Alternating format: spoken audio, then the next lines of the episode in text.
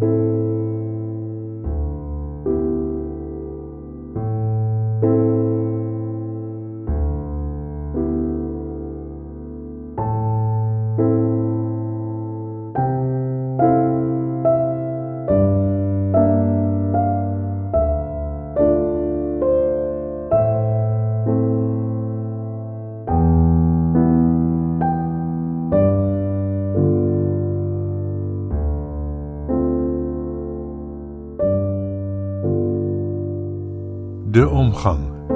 Dagelijks.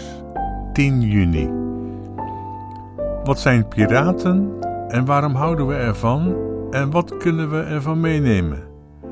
Als wij of onze kinderen worden uitgenodigd voor een piratenfeest en we verkleden ons, dan is het meestal niet zo'n probleem wat we aan zullen doen.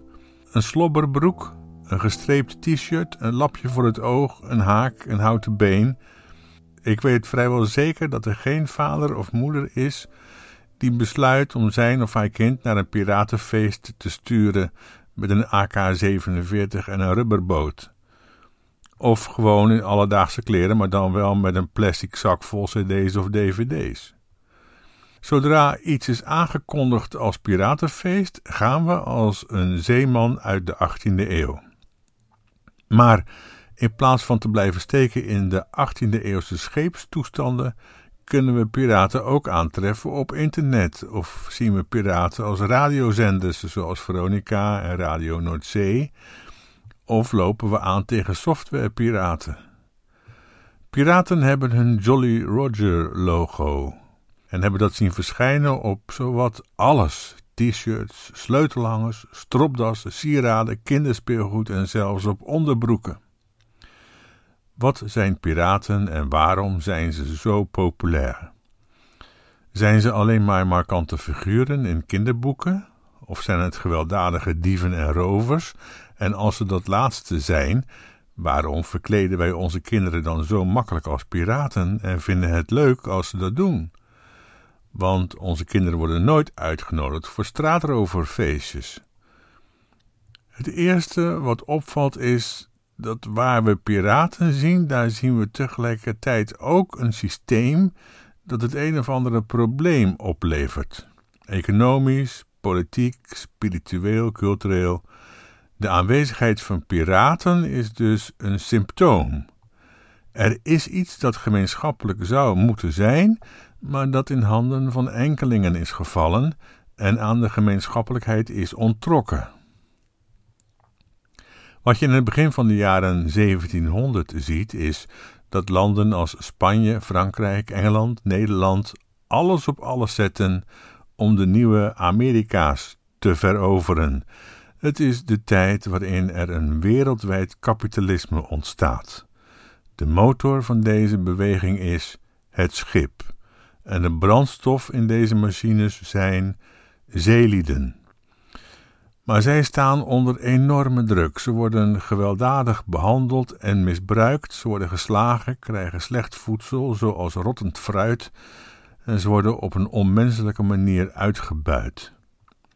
Zeelieden toen de tijd worden slecht betaald en raakten vaak zeer ernstig gewond. Iemand schreef in die dagen dat zeeman te zijn iets is als gevangen genomen zijn in een machinerie waaruit geen ontsnappen meer mogelijk is.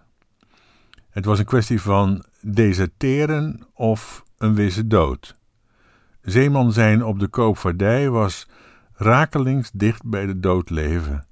En het merkteken dat werd gebruikt om de dood van een zeeman in het logboek van een schip te noteren was een schedeltje met twee gekruiste botjes.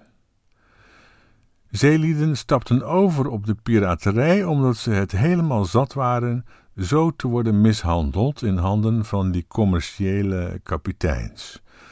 Het leven van een zeeman was per definitie heel erg kort, dus waarom dan geen vrolijk leven? Wanneer zeelieden overstapten op de piraterij, leefden ze een totaal ander leven dan normaal was op zee. Piraten kozen allereerst hun eigen officieren. Verder zorgden ze ervoor dat ze goed konden eten en drinken. Piraten werden ten alle tijde gecompenseerd uit de door hen ingestelde gemeenschappelijke pot aan boord wanneer ze gewond raakten. Maar het belangrijkste was: piraten deelden onderling de verdiensten van hun inspanningen aan boord van het schip. Het gebruikelijke misverstand is namelijk dat piraten gewoon dieven en rovers zijn, maar wat dan wordt vergeten is dat in die tijd werkelijk iedereen aan het roven was. De Nederlandse marine van de Spaanse, Piet Hein met zijn zilvervloot, de Spaanse van de Franse en de Franse van de Engelse en allemaal van het land. Op zee werd geroofd van het nieuwe land. Het is erg belangrijk om te begrijpen dat piraten niet gehaat werden omdat ze roofden. Nee, ze werden gehaat omdat zij, het geroofde, niet wilden afstaan aan de koning. Ze werden gehaat omdat ze pretendeerden meer te zijn dan enkel zeeschuim. Dat is wat de vrolijke Jolly Roger, de vlag waaronder ze dan gaan varen, roept: mishandeling, onmenselijke arbeid, geen beloning, wij zijn er helemaal klaar mee. Piraten doen zich voor als zeelieden die zichzelf opnieuw weten te definiëren. Piraterij als een daad van emancipatie dus. Het is het uitstappen en weglopen van onder een onmenselijk en onderdrukkend systeem. Een exodus. Het is een echte bevrijdingsbeweging. En daarom verkleden wij onze kinderen graag als piraten. Om hen te laten proeven van de vrijheid waarvan we overigens zelf vaak alleen maar dromen. Piraten uit de 18e eeuw vertellen ons een belangrijke boodschap, iets dat gemeenschappelijk geldig is en wel dit telkens wanneer de levensbronnen ten behoeve van de velen worden weggenomen om dienst te doen voor de happy few, staan piraten op, breken dat af en leggen de geprivatiseerde rijkdom weer terug in de handen van de velen. In culturele zin kun je dit zien in de vijftiger jaren bij zoiets als de officiële omroep. Die ontwikkelde een absoluut monopolie in het radiozenden en zendt hoofdzakelijk klassieke muziek uit en hooguit één uurtje per week popmuziek. En wat vind je dan al snel in zo'n gesloten systeem? Piraten. Veronica, Radio Noordzee. Piraten duiken dan op om de muziek van het publiek terug te geven aan het publiek.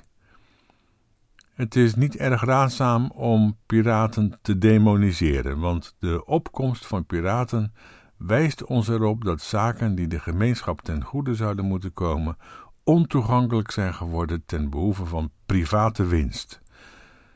Wij leven in een absurd geprivatiseerde wereld. We rijden rond in onze privéauto's, we maaien onze privégazonnetjes en leven volgens wetten die allereerst bedoeld zijn om privébezit veilig te stellen.